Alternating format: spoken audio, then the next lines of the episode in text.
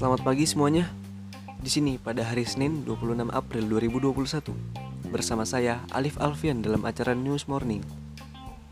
Informasi utama hari ini mengenai ketatnya larangan mudik di tengah pandemi menjelang Hari Raya Idul Fitri yang akan disajikan untuk Anda. Sudah memasuki tahun kedua di bulan suci Ramadan dengan ditemani adanya pandemi COVID-19. Namun, ada persamaan yang terjadi dalam Ramadan tahun ini dengan Ramadan yang tahun lalu yaitu kebijakan pemerintah yang melarang mudik lebaran kembali. Tahun lalu, pandemi menjadi sebuah hal yang sangat menakutkan dikarenakan baru ada dan terjadi di negara kita.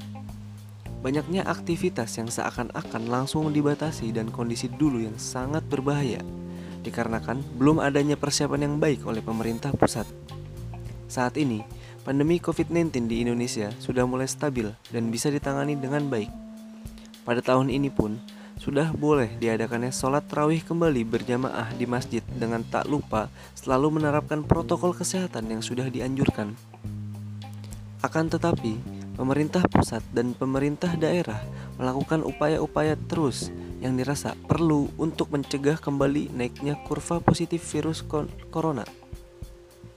Di antara upaya tersebut adalah adanya larangan mudik kembali yang telah ditetapkan mulai dari tanggal 6 hingga 17 Mei 2021 mendatang.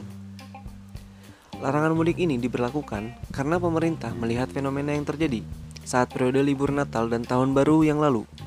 Saat itu tak ada larangan mudik, namun pada akhirnya usai masa libur Natal dan Tahun Baru, kasus COVID-19 pun melonjak sangat drastis. Sekian berita News Morning hari ini. Saya Alif Alfian pamit undur diri dan sampai jumpa.